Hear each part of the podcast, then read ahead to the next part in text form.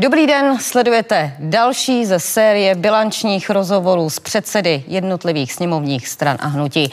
Naproti mě dnes usedla jediná žena v čele, v čele eh, sněmovní strany, předsedkyně TOP 09 Markéta Pekarová Adamová. Vítejte. Dobrý den, děkuji za pozvání a zdravím i diváky. Paní předsedkyně, už jste si vyříkali s Ondřejem Kolářem, jaký TOP 09 vlastně uh, zastává postoj ke spolupráci s hnutím ANO? Vyříkali jsme si zejména to jeho nedobré vyjádření, které bylo takové velmi eh, komplikované a z něho nevyznělo to, co říkáme zcela jasně už dávno. S hnutím ano, nikdy do vlády nepůjdeme, ať už s Andrejem Babišem nebo bez něj, zkrátka s hnutím ano ne. A on to řekl ve své podstatě mezi řádky, to tam také je, ale řekl to strašně nešťastně, takže ten výrok možná byl pochopen mnohými jinak, ale s hnutím ano skutečně ani on nechce do vlády jít. Mnohé eh, dokonce naštval od vás ze strany Eh, z mého pohledu, já tedy ten výrok přidám, z mého pohledu není ani teď taktické zavírat si dveře u žádné politické strany, tedy kromě pošuku a extrémistů, kteří ve volbách také kandidují, což řekl seznam zprávám a k pošukům a extrémistům řadí tedy KSČM, SPD či přísahu. Ovšem na hnutí ano zapomněl tedy, nebo? No, hnutí ano totiž jsou spíš populisté. To je prostě strana, která slíbí modré z nebe, i když ho nemůže splnit a strana, která vůbec nehledí na tu realizovatelnost svých slibů, eh, řeší, eh, nebo respektive i ve vládě teď se chová 8 let stylem po nás potopa a to jsou opravdu čistí populisté, kteří zkrátka s náma také nemají mnoho společného a s nimi také vládnout prostě nelze. Nejenom s těmi extrémy, které zcela správně Ondra vyjmenoval, ale právě i populisté a říkáme to všichni tři předsedové zcela jasně. Já už si totiž dělám dokonce srandu z toho, že my na to odpovídáme skoro v každém rozhovoru, po každé, a to je skoro každý den, takže bychom si to možná měli nechat vytetovat na čelo. Nebyl by to naopak pragmatický krok, kdyby se spolupracovalo s hnutím ANO třeba bez Andreje Babiše? Já opravdu si neumím představit hnutí ano bez Andreje Babiše. On by byl někde v povzdálí na své Sokolovně v Průhonicích a tam odtud by tahal za ty nitky a vidíme to ve sněmovně dnes a denně. Hnutí ano se chová prostě jako taková zmanipulovaná mm, skupina, která se dá přirovnat až k politické sektě. Ti lidé tam vlastně nemají právo na svůj názor, na své přemýšlení, respektive oni eh, opravdu plní příkazy svého vůdce a já si takhle demokratickou stranu nepředstavuji. U nás se ovšem diskutuje, probíhá živá debata. Občas spolu nesouhlasíme, ale prostě ten většinový názor respektujeme všichni, ale u nich, u nich skutečně se respektuje jenom názor Andreje Babiše, pan Faltýnek se svými deníky a dalšími problémy s kauzou stoka a tak dál, a tak jeho pravou rukou on sám tady prorostl do toho státu, tak, že opravdu už je problém na něj někde nenarazit. Myslím teď Andreje Babiše ve státní správě. Vidíme to na vyšetřování kauzy Bečva a podobných věcech. Takže já opravdu s někým takovým a s hnutím, které takhle dlouho takovéhle praktiky podporovalo, eh, nechci mít nic společného a dávat tuhle zemi dohromady. S někým, kdo je právě do tohohle stavu dostal, to přece není možné. Nicméně uh, Ivo Vondrák, uh, hejtman uh, Moravskoslezského kraje, právě znutí ano, uh, v jednom rozhovoru včera přiznal, bavím se s vedením ODS o koalici, jmenovat je nebudu. Víte o tom? No, já myslím, že tohle to jsou eh, doslova manipulace a lži pana Vondráka. Já opravdu nevěřím ničemu takovému a s Petrem Fialou jsme prakticky každodenním kontaktu. Jsme jen například z úst ostatními... Alexandra Vondry, což vlastně, eh, řekněme, on je ve vedení eh, v tom širším tak, ODS, tak něco podobného zaznívalo také. Ani od něj nezaznělo, že bychom s hnutím ano měli vládnout. Já jsem přesvědčená o tom, že je ODS v tady tomhle směru velmi konsolidovaná, jednotná a že zkrátka zkrátka málo kdo v ní s nějakým skutečně jako silným hlasem eh, má vůbec zájem o tomhle vůbec uvažovat. Eh, prostě všichni vidíme stejný cíl a proto jsme se také dali dohromady. Proto vznikla vůbec koalice spolu. Zbavit tuhle zemi vlády Andreje Babiše, konečně ji postavit na nohy a napravit všechno to, co on způsobil. Od toho, že jsme tady druhá nejrychleji se zadlužující země v Evropě, jdeme tou řeckou cestou a všichni vědí, co řecká cesta znamenala a jak v Řecku doplatili právě na tu tempo zadlužování. A my se dneska zadlužujeme prakticky ještě rychleji, než se Řecko zadlužovala v době, eh, kdy si ty problémy způsobovalo. Takže tohle to dávat dohromady s člověkem, který může kdykoliv sednout do helikoptéry, odletět eh, k sobě do Monoka nebo na francouzskou riviéru, kde má tu svoji eh, haciendu a tam vlastně strávit poklidně zbytek svého života, zabezpečen až na pět generací dopředu, tak s tímhle tím člověkem my skutečně tu zemi dohromady dávat nemůžeme. Tomu na ní nezáleží. Tomu záleží jenom na svém prospěchu, na svém kontu. Jeho firma Agrofert bohatné, on sám také zdvojnásobil svůj majetek zhruba za tu dobu, co je v politice, jemu skutečně nejde o lidi. Co uděláte, když koalice spolu, spolu s Piráty a starosty nedají dohromady 101 po volbách?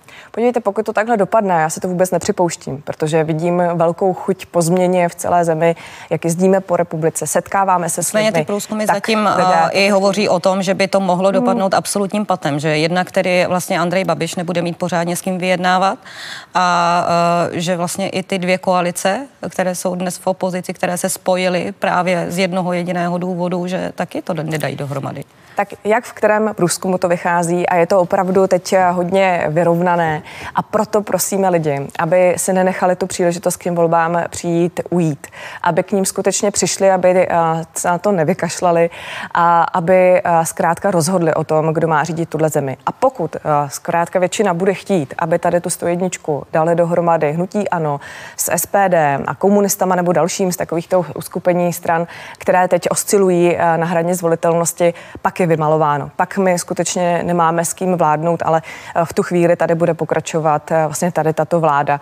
Andreje Babiše, dalších, eh, kteří za nás představují obrovskou hrozbu pro tuto zemi. A už stačilo, už stačilo, že tady napáchali škod až až. S hnutím přísaha, s nově vzniklým hnutím Roberta Šlachty, byste byli ochotni vyjednávat? To je hnutí, které je takové policejní a opravdu kromě pana ODS Šlachty... by s ním byla ochotná vyjednávat nezná. s ohledem na historii a s ohledem na to, že se spolu podílel vlastně na pádu uh, vlády Petra Nečase? Ne, já si myslím, že toto hnutí nemá ani co dělat v parlamentu. Samozřejmě pan Šlachta je tady v tomhle případě jedinou známou tváří celého hnutí, moc nevíme o jeho pozadí a spíš si myslím, že je to Bčko hnutí ano, že je tady připraveno právě proto, aby když se dostane do sněmovny, tak mohlo okamžitě naskočit do vlády s panem Babišem. Co sociální demokracie, kdyby se dostala? Protože průzkumy jí moc nepřejí. Těžko o tom uvažovat. Já myslím, že ta teď v tuhle chvíli svádí boj o přežití a, a je to demokratická dlouholetá strana. Myslím, že je smutné, kam až vlastně se dostala. Takže vy spoleháte, jestli to chápu dobře, pardon, uh, spoleháte na to, že prostě dáte spolu dohromady uh, vy, trojkoalice a dvoj, dvojkoalice dá spolu dohromady 101 a nepřemýšlíte, nemáte plán B? Jednoznačně my Nemáte máme plán B. My máme plán B v tom smyslu, že pokud to bude 100-100, tak eh, samozřejmě eh, to bude patová situace, která se bude muset řešit, ale já si teď nepřipouštím řešit, co bude, když bude. Jo, to je fakt strašně moc brzy a máme ještě několik týdnů do voleb, lidé se rozhodují, mnozí z nich až v posledních dnech před volbami a my prostě jdeme ty volby vyhrát. Takže tohle je teď naším hlavním úkolem a cílem a tohle je to, co řeším. Žádné plány B a C a další. Já řeším to, jak dostat lidi k volbám, Ale jak je přesvědčit ho. o našem programu, jak je uh, vlastně přilákat k tomu, aby si v tomhle případě vybrali naši koalici, jedinou středopravicovou, která tady na politické scéně v České republice teď je, tu, která ukazuje kompetenci, zkušenosti, má kvalitního kandidáta na premiéra, nejzkušenějšího ze všech, který je zároveň slušný, není obtěžkán žádnými kauzami, nějakým obviněním a různými dalšími problémy, ale je to člověk, který už úspěšně vedl univerzitu, umí a i řídit ministerstvo, to jsme si také ověřili všichni v minulosti.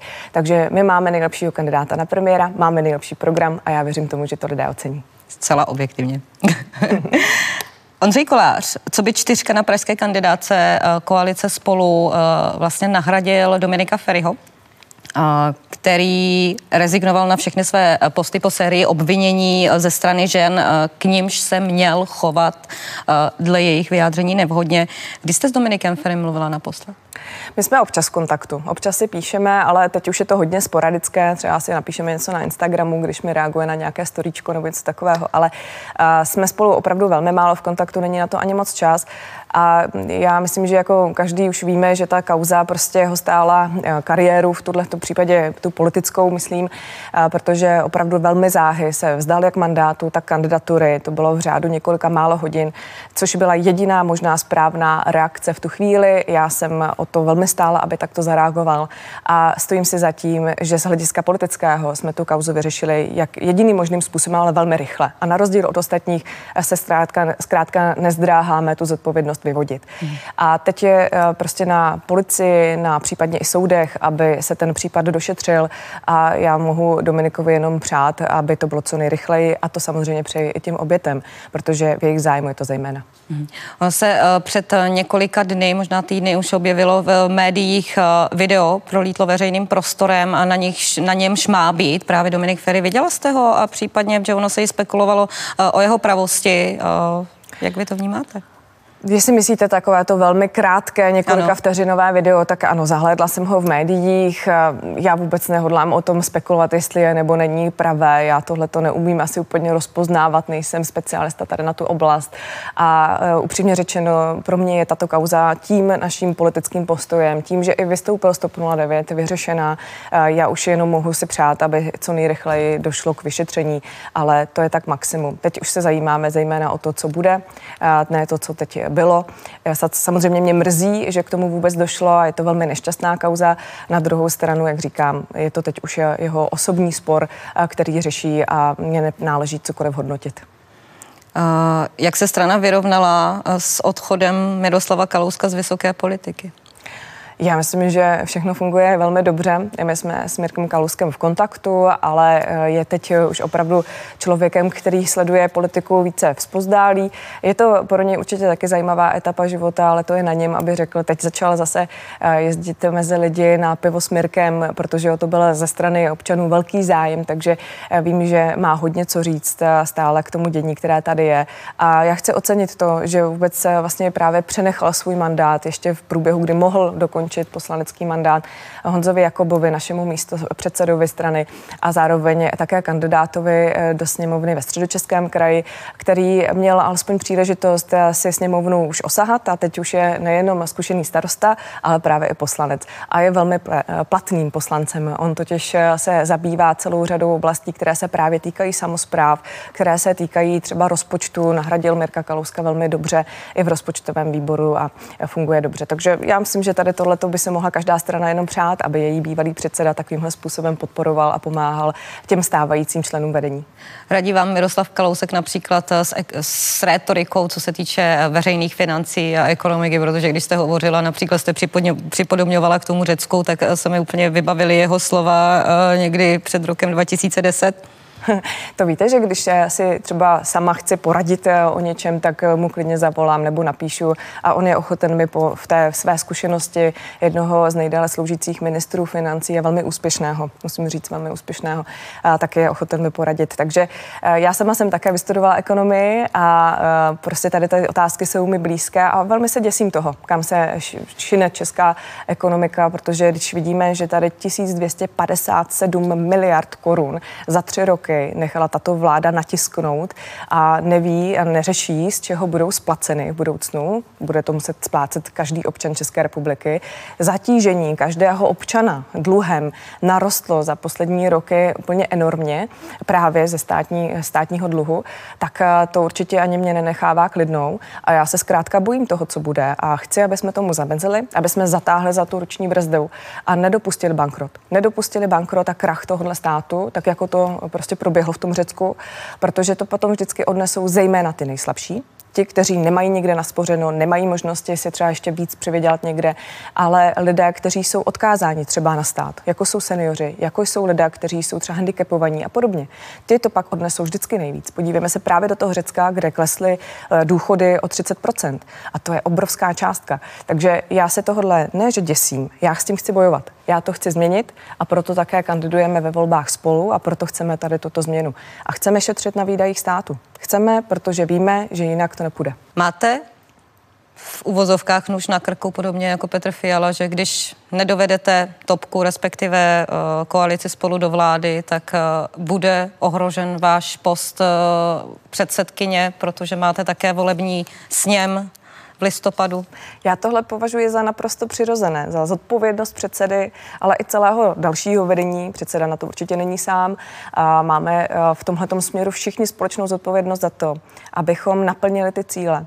A ten cíl pro mě je zbavit tuhle zemi toho střetu zájmu, který tady existuje, toho, co se tady všechno děje, toho ukradení toho státu, eh, protože byl ukraden občanům a já ho jim ho chci vrátit vlastně zpátky. Chci, aby věci fungovaly ve prospěch lidí, abychom se nemuseli z budoucnosti obávat, abychom měli fungující zdravotnictví, školství, celou řadu dalších věcí. Chci, aby i prostě babička na vesnici nebo mladý člověk na univerzitě měli eh, radost ze života proto, protože se nebudou bát toho, že si nebudou moc dovolit třeba koupit chleba, protože se třeba enormně zdražuje v poslední době. A toto všechno, to jsou věci, které my máme na, na, svém, na mysli, když eh, jdeme do politiky, když kandidujeme a já zejména, protože prostě tohleto jsem měla od začátku vstupu do politiky v sobě a mám to i nadále.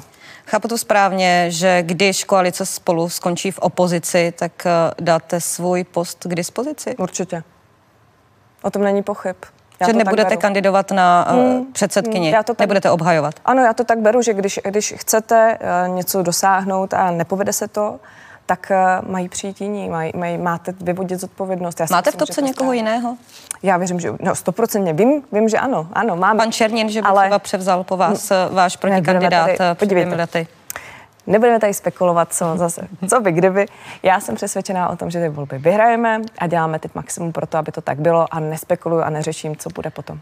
Jak eh, velké ústupky jste museli dělat v rámci například tvorby programu, protože, jak i v reportáži zaznělo, eh, máte různé akcenty, v některých otázkách eh, se vlastně od základu neschodnete? Já si myslím, že se to trochu přeceňuje, že my se shodneme zhruba v těch 70-75% eh, velmi snadno. Pak se samozřejmě v něčem odlišujeme, jinak bychom také asi nebyli ve třech stranách. Ale eh, je pro nás důležitý ten základ a ta drtivá většina věcí, na kterých se shodneme. Eh, já už jsem tady mnoho z toho řekla, ale pro nás je důležité zejména to, aby tenhle stát se vlastně vrátil k zodpovědnému hospodaření, abychom tady dělali věci, které lidé potřebují, aby se řešily, jako je dostupnost bydlení a podobně. A to, že se třeba muselo ustoupit v našem případě z otázky prosazování eura už v tom příštím volebním období, to je vlastně ústupek, který je i v téhle situaci, v jaké je naše, eh, jsou veřejné finance nutný, protože my nesplňujeme kritéria. My musíme vůbec začít splňovat kritéria. Tohle to jsou věci, které musíme začít řešit a na tom se shodujeme. My chceme třeba naopak zase umožnit firmám, a to chceme spolu, jako celá koalice, aby mohli vést účetnictví čistě v eurech celá řada firm, i těch menších, třeba v pohraničí, když eh, obchodují s Německem zejména, nebo s Rakouskem, tak říkají, my to oceníme, pro nás je to úspora, kterou můžeme v rámci těch peněz, které teď na kurzovém riziku prostě ročně platíme, což jsou miliony, mnohdy i víc, tak eh, můžeme dát třeba potom našim zaměstnancům ve vyšších mzdách a to určitě ocení právě i ti zaměstnanci těch firm. Takže tohle to jsou kroky, které konkrétně zlepšují život, ale my jsme se na nich shodli poměrně snadno, každý dělal nějaký ústupek, ale teď je důležité to, co předkládáme spolu, spolu21.cz je náš program, na kterým, za kterým si stojíme všichni a ve své podstatě nikdo mm, ne, už dneska ani neřeší, co jsme museli kdo ustoupit.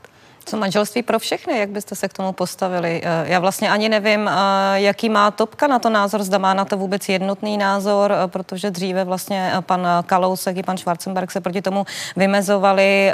Dnes po sítích kolují, řekněme, citace z knihy Petra Fialy, kde se proti tomu vymezuje také slovy na rodinu mi nesahejte, o lidovcích ani netřeba mluvit, ti naopak chtěli uzákonit, respektive ukotvit manželství, co by svazek muže a ženy přímo v ústavě? Máme na to názor stejný nebo velmi podobný jako většina stran ve sněmovně. Takový, že to není politické téma, ale více etické, otázka svědomí a každý k tomu může přistoupit podle sebe. To znamená, každý poslanec má volnost eh, svého hlasování v této věci. O mě se ví a já to vůbec nějak eh, netajím, že jsem pro, že podporuji tento zákon. Naopak třeba Petr Fiala je konzistentní v tom eh, svém postoji, který se tady říkala, který je proti. A myslím si, že je to férové vůči lidem, že jim to dopředu takto říkáme, že zkrátka naše koalice v tom má volnost hlasování. My jsme se nijak nesnažili se přesvědčit jeden druhého o tom, aby ten svůj názor změnil. Považovala bych to eh, za nesmysl se takto snažit toho druhého v úvozovkách znásilnit k jinému názoru, ale eh, považujeme za mnohem lepší, že právě tady ta volnost je, protože to je téma, které přece jenom si myslím nerozhoduje volby. Já mám veškerou úctu všem, kterých se to přímo týká. A vím, že pro ně je to otázka číslo jedna. To naprosto chápu a mě, kdyby někdo zakazoval, v vozovkách zakazoval nebo neumožňoval, tak neumožňoval uh, mít manželství, tak by mě to určitě také trápilo a byla by, by to pro mě otázka číslo jedna. Ale z pohledu celé společnosti a celého, vlastně celé České republiky a těch problémů, kterým tady čelíme, tak si troufnu říct, že jsou jiná témata, která jsou klíčová a o kterých v těchto volbách jde zejména. Pojďme si eh, tedy teď eh, poslechnout eh, samotné diváky, možná zřejmě určitě voliče, která témata podle nich by měla rezonovat nejen ve volbách, ale hlavně v tom dalším volebním období. Určitě ovzduší a když to vidím v těch lesích, jak to tam všechno vypadá v hrozným stavu, tak vyzbírat nebo nějakým způsobem to dát dohromady. A co vidím, jsem u rybářů a když vidím, co, co je v rybníkách, tak to je šílený. Mě hlavně trápí to, že musíme mít pořád v krámech ty respirátory. To musíme mít pořád na puse. To mě jako docela, to jo, to mě jako docela vadí, že někam jdete a musíte to mít pořád na puse.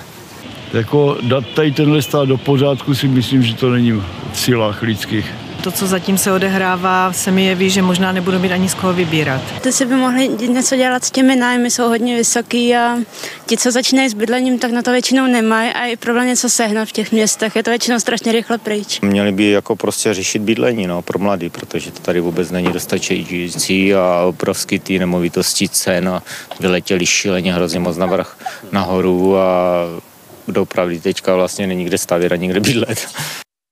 Sledujete bilanční debatu s předsedkyní DOP 09 Markétou Pekarovou Adamovou.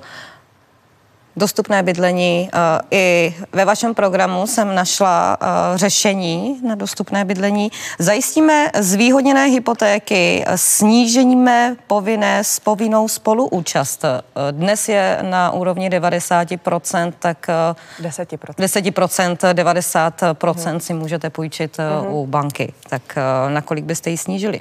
Tak já dříve byla 5%, já myslím, že to byla rozumnější suma, ale my zejména klademe důraz na to, že stát by mohl pomoci právě s tou garancí za tuto částku. To znamená to, co musí mít člověk při tom, když kupuje bydlení už našetřeno, nebo si to musí nějakým způsobem jinak zajistit, tak bychom chtěli, aby stát garantoval, aby tady nemohl vzniknout nějaký velký problém s hypotékami, nějaká bublina, která, hypoteční bublina, která pak by plas, splaskla a způsobila by nějakou nějakou větší krizi, tak jakou už jsme to v minulosti jednou zažili, byť se to sem přelilo ze zahraničí. Takže toto je věc, která eh, rozhodně by mohla pomoci právě těm, kteří si kupují první bydlení, eh, mladým rodinám. A my tam máme ještě navíc i bonus za každé narozené dítě, což je trochu podpora právě té porodnosti, když by pak do té rodiny přišlo dítě, také bychom mu chtěli umožnit právě, nebo té rodině chtěli umožnit snížení eh, jejich právě výše hypotéky. Jak si tu spoluúčast toho státu představit? Buďte konkrétnější. Mm-hmm. Je to běžné v některých zemích eh, na západ od nás eh, zejména a my už jsme i v programu, když jsme kandidovali do hlavního města Prahy, protože bydlení je velký problém zejména těch větších měst, tak eh, chtěli, aby právě tuto možnost té garance mělo třeba i město, což se také děje v některých velkých městech na západ od nás, takže my bychom se inspirovali tady těmi systémy nebo způsoby, které jsou.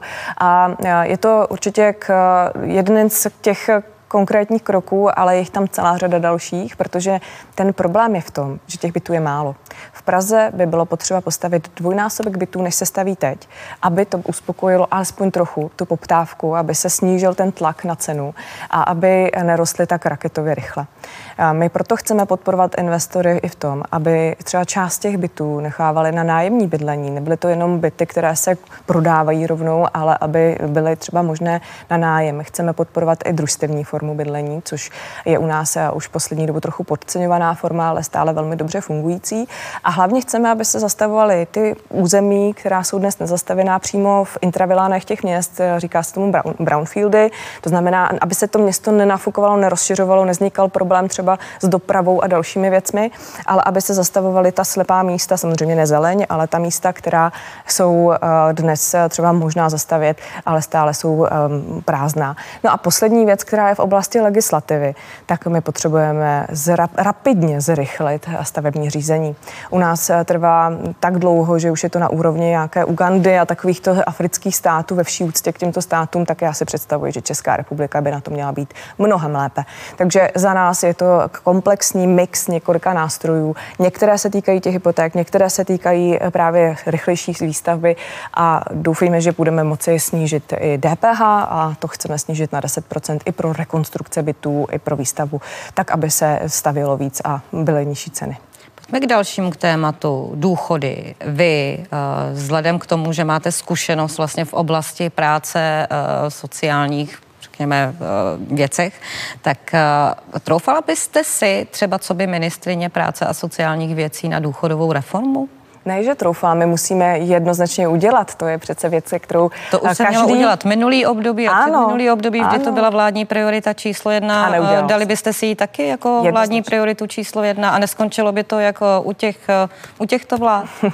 ne, jednoznačně bychom se ji dali jako prioritu číslo jedna a já jenom osvěžím paměť, že naše vláda, která jediná, my jsme tři roky byli ve vládě jako TOP 09, já tedy osobně ne, ale tak ta, to stihla za ty tři roky a ta další vláda, potom Sobotková, tu reformu bez náhrady zrušila. Babišova vláda s žádnou reformou radši ani nepřišla, ty na to tu odvahu neměli. Takže promrhali 8 let. Eh, ČSSD je těch 8 let ve vládě i na ministerstvu práce a sociálních věcí a paní Maláčová teď těsně před volbama dělá eh, ze sebe hrdinku s tím, že přijde s nějakou reformou.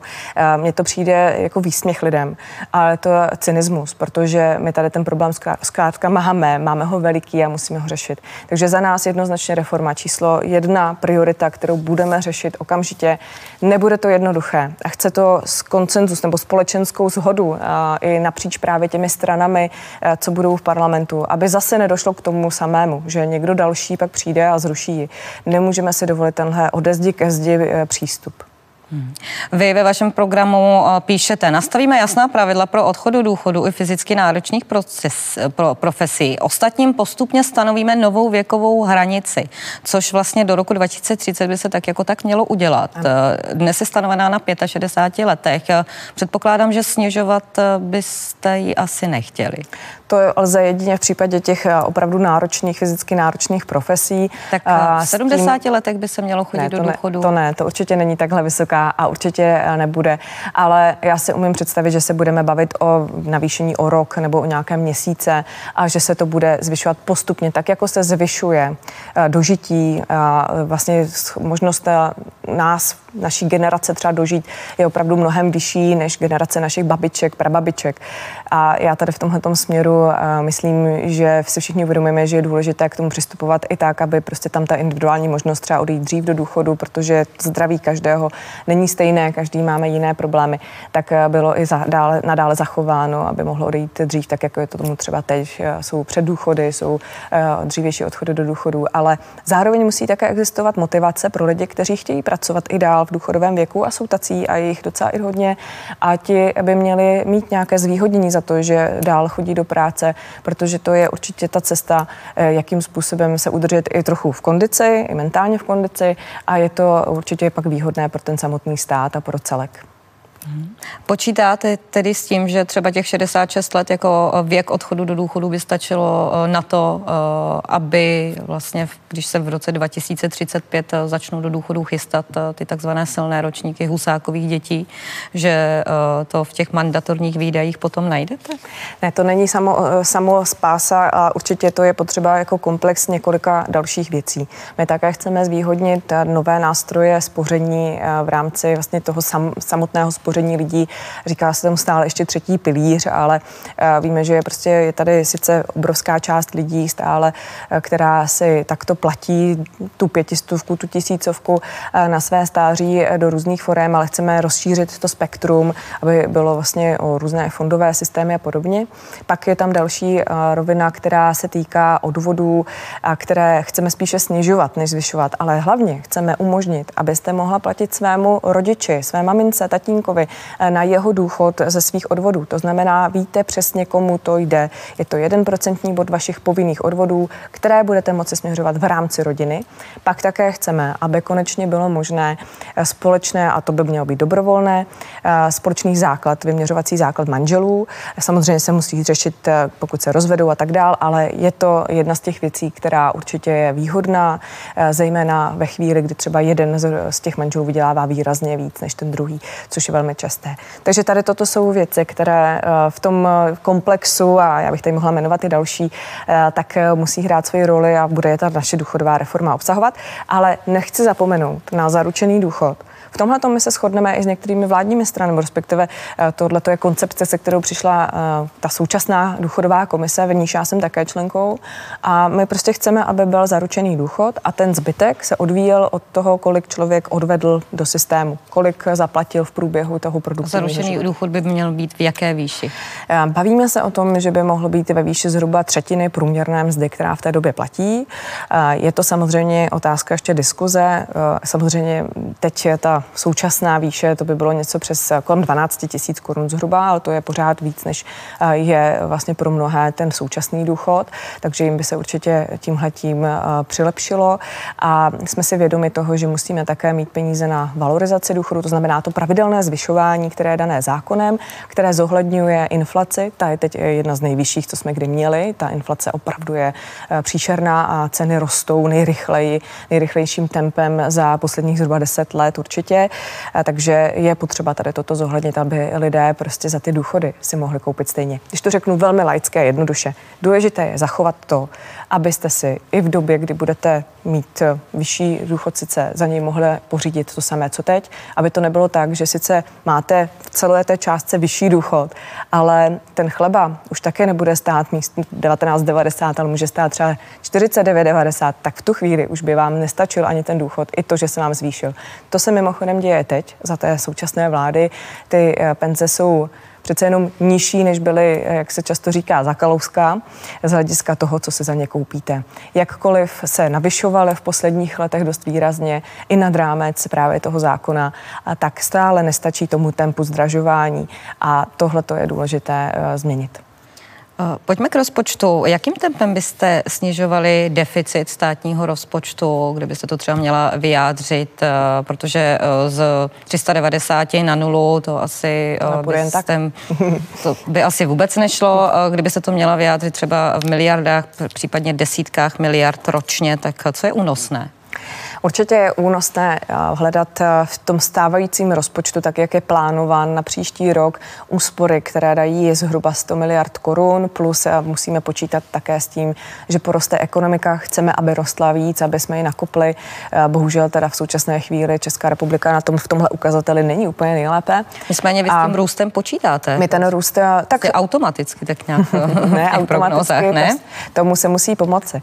A my tady máme stále víc než 300 300 tisíc neobsazených pracovních míst například. Takže tady jako je hodně eh, i ze strany státu možnost pomoci. Eh, teď se paní ministrině Máčová pustila do zaměstnanců, kteří tady jsou z ciziny, třeba z Ukrajiny, eh, bere jako lidi, kteří tady berou práci, ale my tady prostě nemáme ty zájemce o práci, když ta pracovní místa jsou neobsazená. A ty neobsazená místa jsou každoročně ubytek v rozpočtu kolem 70 plus minus, záleží, kolik by se jich přesně obsadilo, ale zhruba 70 miliard korun.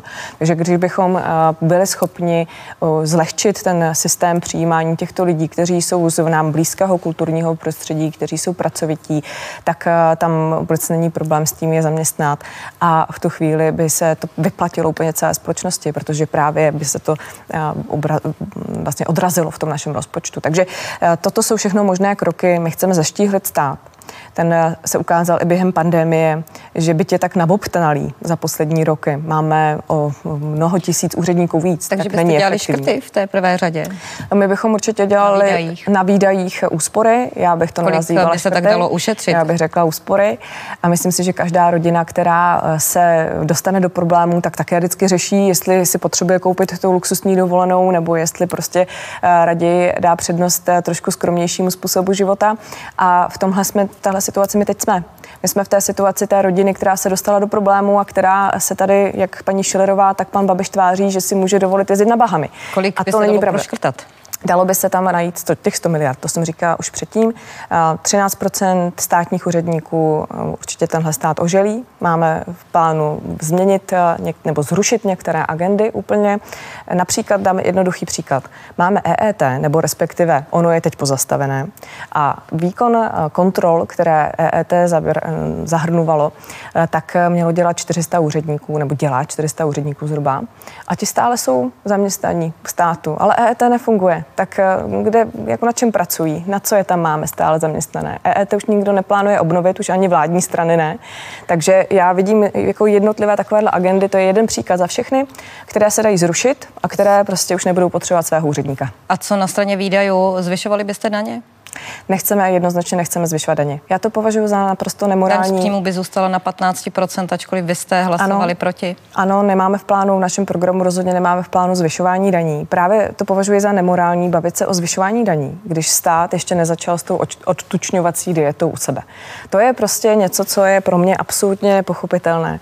Když eh, to zase přirovnám k té rodině, tak eh, prostě ta opravdu začne spořit a hledat, eh, kde si může co ušetřit. Už prostě nepůjde na tu večeři, už prostě nepůjde na to kafíčko každý den, ale dá si nějaký, nějakou odtučňovací dietu. Tohle musí udělat ten stát, protože není možné tahat peníze z lidí, z peněženek jejich a myslet si, že z tohohle toho, z tohohle toho budeme financovat tady tenhle ten toho otesánka.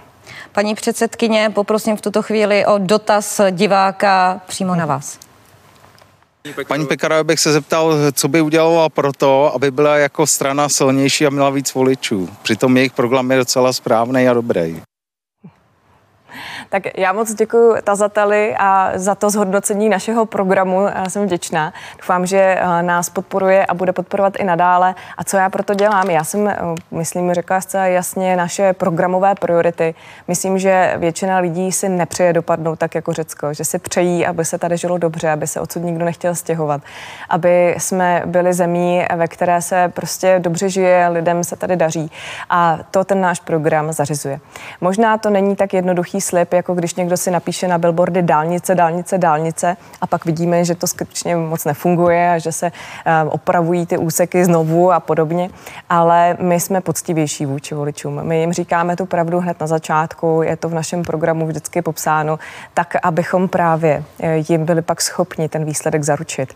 A to jenom heslem dálnice, dálnice, dálnice, eh, jak vidíme, možné není. Takže tohle to je to, co proto dělám a dnem a nocí se s lidmi setkáváme. My dneska každý den jsme na kampani někde v různých městech a obcích v České republice a opravdu eh, jsme v přímém kontaktu s lidmi. Neschováváme se za žádnou ochranku nebo do cukráren a podobně, ale jsme s nimi, mluvíme o jejich problémech a nasloucháme jim a to považuji pro politiky za naprosto klíčové.